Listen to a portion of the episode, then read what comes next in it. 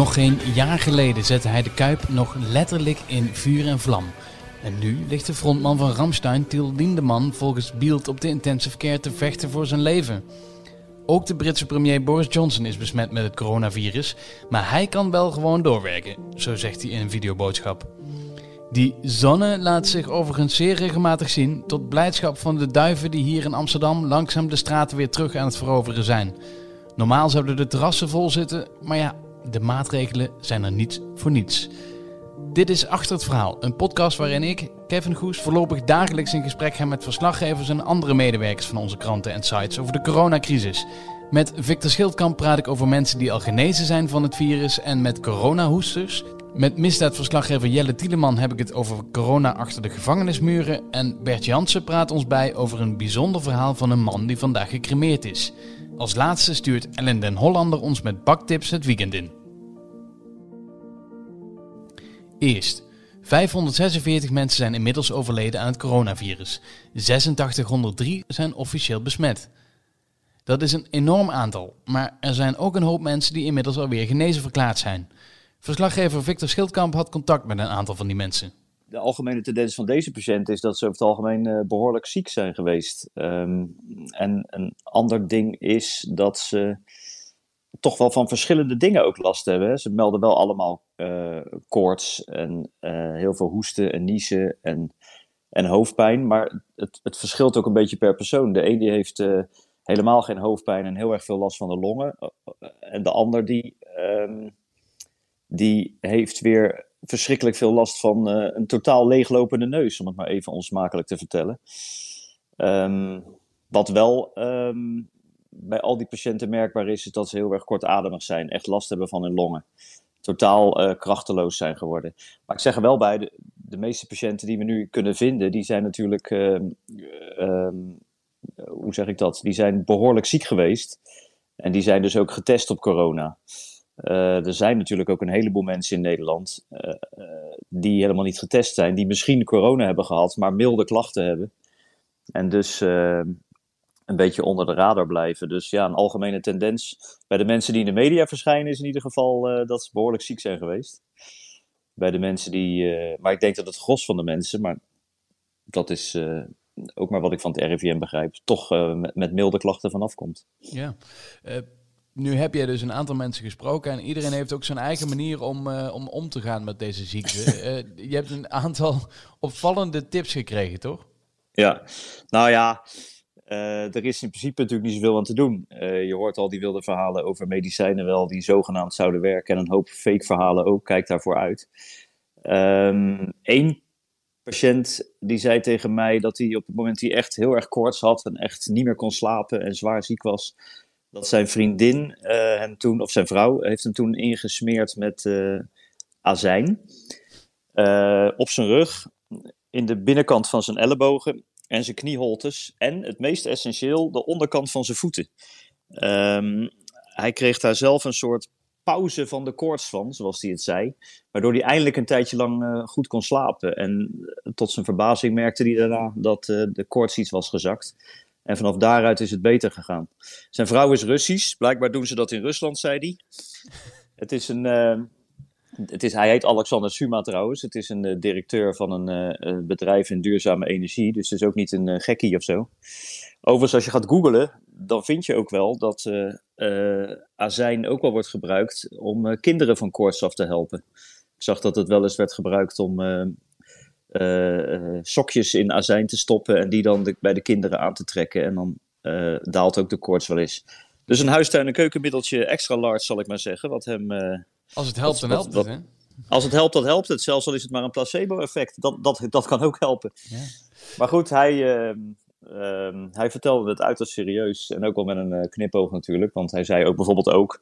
Uh, de corona heeft mijn uh, reukvermogen was helemaal weg. Maar toen ik helemaal genezen was, toen, toen rook ik wel dat ik nog steeds naar azijn stonk. maar goed, hij kon er weer om lachen, dus hij is genezen. En dit was zijn methode. Ja. Ehm, wie weet helpt het ander ook. Het lijkt me ongevaarlijk. Iets anders, uh, Victor. Want uh, waar een ziekte is, wordt er ook een beetje misbruik van gemaakt. Uh, de coronahoesters is een woord wat misschien wel aan het eind van het jaar mee gaat doen naar woord van het jaar. er zijn er al een aantal die voor de rechter zijn verschenen. Wat is dit voor een verschijnsel? Ja, overigens woord van het jaar, daar komen een heleboel woorden langzamerhand voor een aanmerking. Maar coronahoesters is er ook één. um, ja, dit is een verschijnsel wat nu zich nu voordoet bij, uh, ja, ik kan niet anders zeggen, halve zolen. Uh, die, uh, die blijkbaar nodig vinden als ze worden aangehouden. Of, of als ze de supermarkt niet snel genoeg in mogen. Of als ze een blaastest moeten afleggen. Of als ze te veel hebben gedronken en door de politie worden aangesproken. In hun gezicht gaan hoesten of spugen en roepen dat, ik, dat ze corona hebben. Het is, ehm, er zijn er een stuk of 1, 2, 4, 6 voor de rechter geweest. Ik mis er misschien nog één of twee hoor. Uh, ja, het, het, het, is vaak uh, gevolg van dronkenschap of, uh, of gewoon niet naar de politie willen luisteren en dan tekeer gaan. Ja, misschien dachten die mensen vroeger dat ze er met een, een werkstrafje of een boete vanaf kwamen, maar zo is het dus niet. Nee, wat, wat, wat krijgen ze nu? Wat, wat zegt de rechter hiervoor? het uitgangspunt van Openbaar Ministerie is gewoon een, een celstraf. En dat, is, uh, dat gaat voor, van weken tot maanden. Er zijn uh, nu drie uitgedeeld van acht weken. Acht weken onvoorwaardelijk bedoel ik. Dan zit je dus gewoon twee maanden in de bak voor, voor een kuchje. Hè, je had ook gewoon mee kunnen werken en je rijbewijs kunnen laten zien. Ook nog vier weken is er uitgedeeld. Uh, nog een keer vier weken. Een keer ook een taakstraf van 40 uur. Het verschilt natuurlijk per persoon. Heb je wel of geen strafblad? Wat heb je nou precies gedaan? Geef je ook nog een klap aan die agenten? Weet ik veel. Um, maar de, het uitgangspunt is wel gewoon uh, echt uh, de baaiers in. En ook meteen. Het is niet zo dat je je over tien maanden eens kan komen melden als het jou schikt om die acht weken uit te zitten. Je zit meteen vast. Dus, meteen uh, in iso isolatie gaan hoesten dan maar. je zit meteen in quarantaine, zou je ja, kunnen zeggen. Ja. Maar ja, als jij nog een baan hebt waar je toch zuinig op moet zijn in de, tijd, in de moeilijke tijd die eraan komt, en je moet meteen de twee maanden de bak in, dan heb je jezelf wel erg moeilijk gemaakt. En dat gold bijvoorbeeld voor een van die, voor die, van die verdachten die gisteren voor de rechter is verschenen in Breda. En als je dan in zijn gevangenis terechtkomt, ben je niet veilig voor het coronavirus. Misdaadverslaggever Jelle Tieneman ging op onderzoek uit. We schreven twee weken geleden in het AD al dat het eerste coronageval uh, in, uh, in de gevangenissen een feit was. Uh, en nu blijkt dat, dat de vrees voor dat virus in de gevangenissen eigenlijk net zo groot is als buiten. en dat is ook niet zo gek, omdat je in zo'n gevangenis natuurlijk toch binnen, binnen vier muren zit en ook ja, niet echt de mogelijkheid hebt om naar buiten te gaan. Dus zoals een iemand het zei vandaag in de krant, het, het virus giert letterlijk door, die, door die muren heen. Uh, en het probleem wat er nu is ontstaan is dat uh, gedetineerden niet meer uh, gezondheidsklachten die gerelateerd zijn aan corona doorgeven. Omdat dat betekent dat ze meteen geïsoleerd worden. en dat wordt gezien als een, als een forse straf. dus dat, ja, daarom vertellen ze niet meer dat ze, dat ze klachten hebben, dat ze bijvoorbeeld hoesten of dat ze verkouden zijn. Ehm, ze steken elkaar eigenlijk dus de hele tijd aan daardoor. Ja, dat, dat is inderdaad een risico dat, uh, dat daardoor uh, groter wordt. Uh, dat, nou ja, als je, als je ziek bent en je meldt dat niet, dat je mensen die niet ziek zijn toch aansteekt. Ja, wat, wat kunnen ze daar nou tegen doen? Want inderdaad, in isolatie zetten, dat is een vrij forse oplossing. Maar ja, dat is wel de enige manier om mensen van elkaar weg te houden. Ja, en dat is natuurlijk ook de, de, wat ons wordt opgedragen voor iedereen die niet in de gevangenis zit. Hè. Probeer zoveel mogelijk thuis te blijven en, en hou die anderhalve meter afstand. Nou, die anderhalve meter afstand is ook uh, in, in gevangenissen wel een probleem. Uh, uh, niet alleen bijvoorbeeld in de zalen waar, waar gewerkt wordt, hè, want dan in gedetineerden kunnen in de gevangenis werken en krijgen daar een heel beperkt salaris voor. Uh, daarin is die, die afstand ook niet altijd gewaarborgd. Maar je hebt ook een aantal gevangenissen waar je met twee gedetineerden op één cel zit. Nou ja, en probeer dan maar eens die anderhalve meter afstand van elkaar te houden. Als je wel bijvoorbeeld een aantal uh, nou ja, faciliteiten deelt, zoals bijvoorbeeld een, een douche of een, een wasbak. Nou kijk, in een gezin is dat natuurlijk altijd zo, maar dit, dit is natuurlijk geen gezin. Het zijn toch mensen die verplicht bij elkaar worden neergezet. Dus dat, ja, dat levert allerlei spanning op uh, en die worden alleen maar groter. Nu is in sommige landen besloten om uh, gedetineerden naar huis te sturen, hè, uh, vrij te laten. Zou dat ook een oplossing hier in Nederland kunnen zijn? Ja, dat, dat zou vooral oplossen dat het iets rustiger wordt in, in de gevangenissen. geruchten daarover gaan al, dat, dat mensen die niet zo heel lang meer te gaan hebben al naar huis worden gestuurd. Dat ze een enkelband krijgen. Maar er is inmiddels ook langzaam een tekort aan enkelbanden aan het ontstaan. dus het, het, ene probleem zorgt ook weer voor een nieuw probleem. Ehm, ja, in de komende weken zullen we erachter moeten gaan komen in hoeverre daar een oplossing voor is. Ja, even naar uh, jouw baan, hè? misdaadverslaggever. Op dit moment uh, weinig misdaad, uh, weinig rechtszaken die doorgaan. hoe kom jij de dagen door? Nou ja, op zich, qua, qua misdaad gebeurt er altijd nog wel genoeg. dat is onlangs ook weer een rapport verschenen waaruit blijkt dat criminelen zeg maar, zoeken naar andere manieren om toch misbruik te maken van deze situatie. Ehm, en, en qua grote rechtszaken, ja, die, die gaan de komende maanden toch wel weer door, ieder op hun eigen manier. Uh, en er is nog genoeg om onderzoek naar te doen. Dus dat is, geeft mij ook wel een gelegenheid om, uh, om eens rustig in allerlei dossiers te gaan duiken. Om daar uh, ja, mooie verhalen uit te gaan halen. Ja, en een van de vele boekenschrijvers van de komende tijd, of valt het wel mee? Nou ja, dat, dat zou zomaar kunnen. Jelle Tieleman was dat. Een bijzonder verhaal afgelopen zaterdag in Tubantia. Peter Mos koos voor euthanasie midden in de coronacrisis. Verslaggever Bert Jansen volgde Peter tijdens zijn laatste weken. De rode draad in het verhaal is FC Twente. Uh, daar was hij een fanatieke supporter van.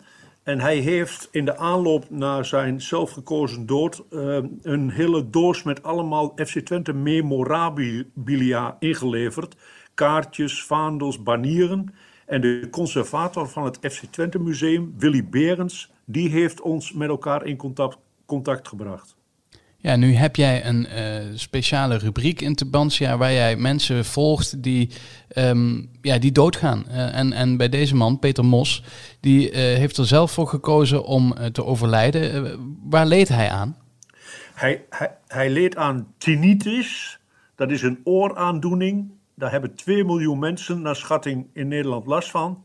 Maar hij had het in een hele ernstige vorm. Hij hoorde een pieptoon 24 uur per dag, 7 dagen in de week en jarenlang. Hij is het hele medische, de, de hele medische gang heeft hij doorlopen um, en er was geen genezing mogelijk.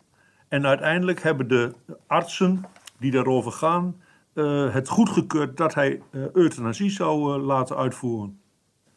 Ja, en nu had hij dus een hele weg uitgestippeld. Hè. Afgelopen zaterdag, toen het verhaal in de krant kwam, is hij ook overleden. Dat was al zo gepland. Alleen kwam daar um, eigenlijk de hoofdmoot ook van deze podcast doorheen, corona. Wat, wat, wat heeft eigenlijk zijn hele plan in de war geschopt? Zijn vrouw José en zijn kinderen, Martijn en Suzanne, die beschreven hem als een Pietje precies. Bijna op het autistische af. En hij heeft maanden gebruikt om zijn laatste gang de laatste datum was 21 maart, zaterdag, uh, om dat voor te bereiden. En dat uh, in allerlei facetten. Hij was een fanatieke FC Twente supporter, dat zei ik al. De laatste wedstrijd die hij met zijn vrienden heeft bijgewoond was FC Twente Herenveen. Die verloor Twente, dus dat was triest. Bij die wedstrijd leverde hij zijn kampioensjaal van FC Twente in, die hij sinds 2010 om zijn nek had als hij naar het stadion ging. Met de bedoeling dat zijn vrienden naar de volgende thuiswedstrijd van Twente zouden gaan. Dat was de wedstrijd tegen ADO Den Haag. Ze zouden na die wedstrijd een biertje op Peter Mos drinken. En dan teruggaan naar zijn huis in Hengelo. En daar zou, omdat de euthanasie dan al was uitgevoerd, zijn kist staan. En ze zouden de, de sjaal over zijn kist draperen. Uh, voor de rest, uh, uh, dat gezin is bijna twintig jaar geleden een kind verloren. De uitvaart van die jongen, Jeroen, die was zes jaar. Dat was in de katholieke kerk in Hengelo. En exact diezelfde dienst, dus met die liturgie, met het koor. Dat hadden ze nu voorbereid om dat te doen nou, na zijn overlijden. Maar ook daar gooide de corona roet in het eten. Want de kerk was maar heel beperkt open. ze konden daar maar 20 minuten zijn en maar met, met 30 mensen. Uh, terwijl ze wel op uh, eh, 300 man hadden gerekend als, als, het, als we in normale tijden uh, hadden geleefd. Um, zijn crematie, daar gold hetzelfde voor. Daar waren ook een paar honderd mensen, hadden ze daar verwacht. En ook daar gold dat ze maar 30 mensen maximaal mochten toelaten. Heeft hij nog getwijfeld over uitstel? Heb ik nadrukkelijk aan hem gevraagd en aan zijn familie. Uh, hij antwoordde: Ik ben eraan toe. Ik heb hier zo lang naartoe geleefd dat ik het niet meer ga, ga, uitstellen. En zijn familie stelde wel een relevante vraag. Tot wanneer zouden we dan moeten uitstellen? Ja. Want dat is natuurlijk ja, het ongrijpbare van deze hele corona-toestand. niemand kan je een einddatum geven. Ja, je eindigde net al met die crematie. Jij was daar vanmiddag bij. Ja, klopt. Veel kleiner dan de bedoeling was, maar hoe was dat? Uh, het was een, echt een hele waardige, mooie bijeenkomst. Uh, wel wezensvreemd, uh, omdat je allemaal anderhalve meter uit elkaar moet zitten. Dus je hebt een, een, behoorlijk grote zaal, ja, die dan maar mondjesmaat gevuld is met die 30 mensen. Zijn vijf vrienden, die dus ook met die sjaal op zijn kist een laatste eerbetoon aan FC Twente hebben gebracht. Die hadden een beugel grols meegenomen. die hadden vooraf een geluidsopname gemaakt waar ieder van de vijf een persoonlijk woord tot hem richtte. Met, met een bijbehorende nummer, een muzieknummer. En bij leven hadden ze dat aan hem, aan Peter, laten horen. En dat vond hij fantastisch. Nou, en nu, op het moment suprême, zijn, zijn laatste, het slot, werd dat, werd dat gedraaid. Stonden zijn vrienden uh, elk anderhalve meter uit elkaar achter de kist. Nou, en uh, na de eerste toespraak lieten ze de Grolsbeugel ploppen. Met dat uh, specifieke geluid, ja. zou ik maar zeggen. Ja, wat heel bijzonder was. Ja, nu heb jij uh, heel wat uitvaarten meegemaakt hè, vanwege jouw, uh, jouw werk. Um, hoe bijzonder was dit? Even uitleggen. Ik heb zeven jaar lang een rubriek bij ons in de krant die heet In Herinnering. Daarin portretteer ik overleden streekgenoten nadat ik toestemming van de familie heb. de laatste twee uitvaarten waren van een streekgenoot die door een dak was gevallen. Daar waren 350 mensen ongeveer in het crematorium in Haarlo. Uh, en daarna ben ik bij de uitvaart geweest van een meisje, de helft van een tweeling van 19 uit Enter. Nou, en daar zaten in het crematorium ook uh, zeker 200 mensen. En dit was de eerste corona-uitvaart, zal ik het maar noemen. ja, wat gewoon heel vreemd is. Ik, ik las ergens dat een, een redacteur in Brabant zijn vrouw was verloren. En die noemde het de uitvaart van een zwerver. Dat vond ik heel erg wrang om te lezen, maar het, het is eigenlijk wel wat het is. Bert Jansen van Tubantia. Iets heel anders dan stressbakken. Stressbakken, wat dat is, dat legt Ellen den Hollander van de sectie koken en eten van onze site uit. Omdat we natuurlijk allemaal thuis zitten en tegen de muren oplopen, tenminste sommigen van ons um, moet je soms een beetje je stress kwijt. En sommige mensen gaan dan een drankje inschenken. Of uh, ze gaan even een stukje wandelen. Maar ik uh, zet dan de oven aan en dan ga ik iets maken. En wat zoal? Nou, taarten, koekjes. Ik ga straks panna cotta maken. Dat is eigenlijk meer een dessert. Heb, heb je nog, uh, nou ja, weet je, we hebben dit, dit weekend zitten we toch weer met z'n allen thuis. En, uh, en je kan inderdaad een drankje inschenken of je kan Netflix uitspelen. Maar uh, wat, wat moet ik gaan bakken zoal? Ik heb, ik heb hier van alles in huis. Dus geef maar, gooi maar wat tips op me. Alles wat, wat vet en zoet en crunchy is, is lekker. Dus als je bloem hebt en um, boter, een pakje boter en een pak suiker, dan kun je al heel eind komen. Maar ook bijvoorbeeld met havermout. Als je, je kunt altijd weer noodmaatregelen treffen. Maar ja, um, datzelfde internet staat natuurlijk vol met recepten. Dus um, ja, daar kun je van alles vinden. En natuurlijk bij koken en eten sectie, daar staat ook van alles. Ja, wat heb je zelf in gedachten voor komend weekend? Dat is wel een goeie. Hmm, ik heb nog geen plan. Maar ik heb wel een heleboel boeken opgehaald van de redactie van de week. En um, daar zitten ook wel weer lekkere um, kook- en bakboeken bij. Dus ik denk dat ik daar eens eventjes in ga snuffelen. Bijvoorbeeld die van Janneke Filippi. Die, die heeft alleen maar ontzettend lekkere zoetigheid.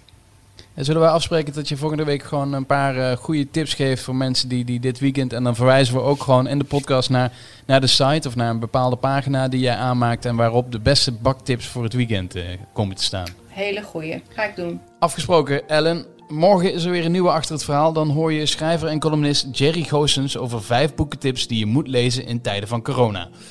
Ons kun je volgen via Spotify en Apple Podcast. Tot morgen.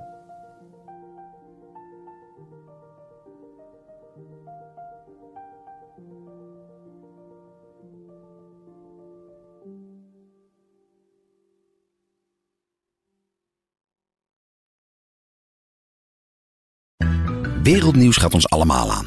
Maar als het nieuws gaat over je stadje, je buurtje of je straatje, dan voel je, dit raakt. Daarom lees je in het AD alles over het nieuws in de wereld, Nederland en jouw regio. Download nu de AD-app en mis nooit wat voor jou belangrijk is. AD, altijd dichtbij.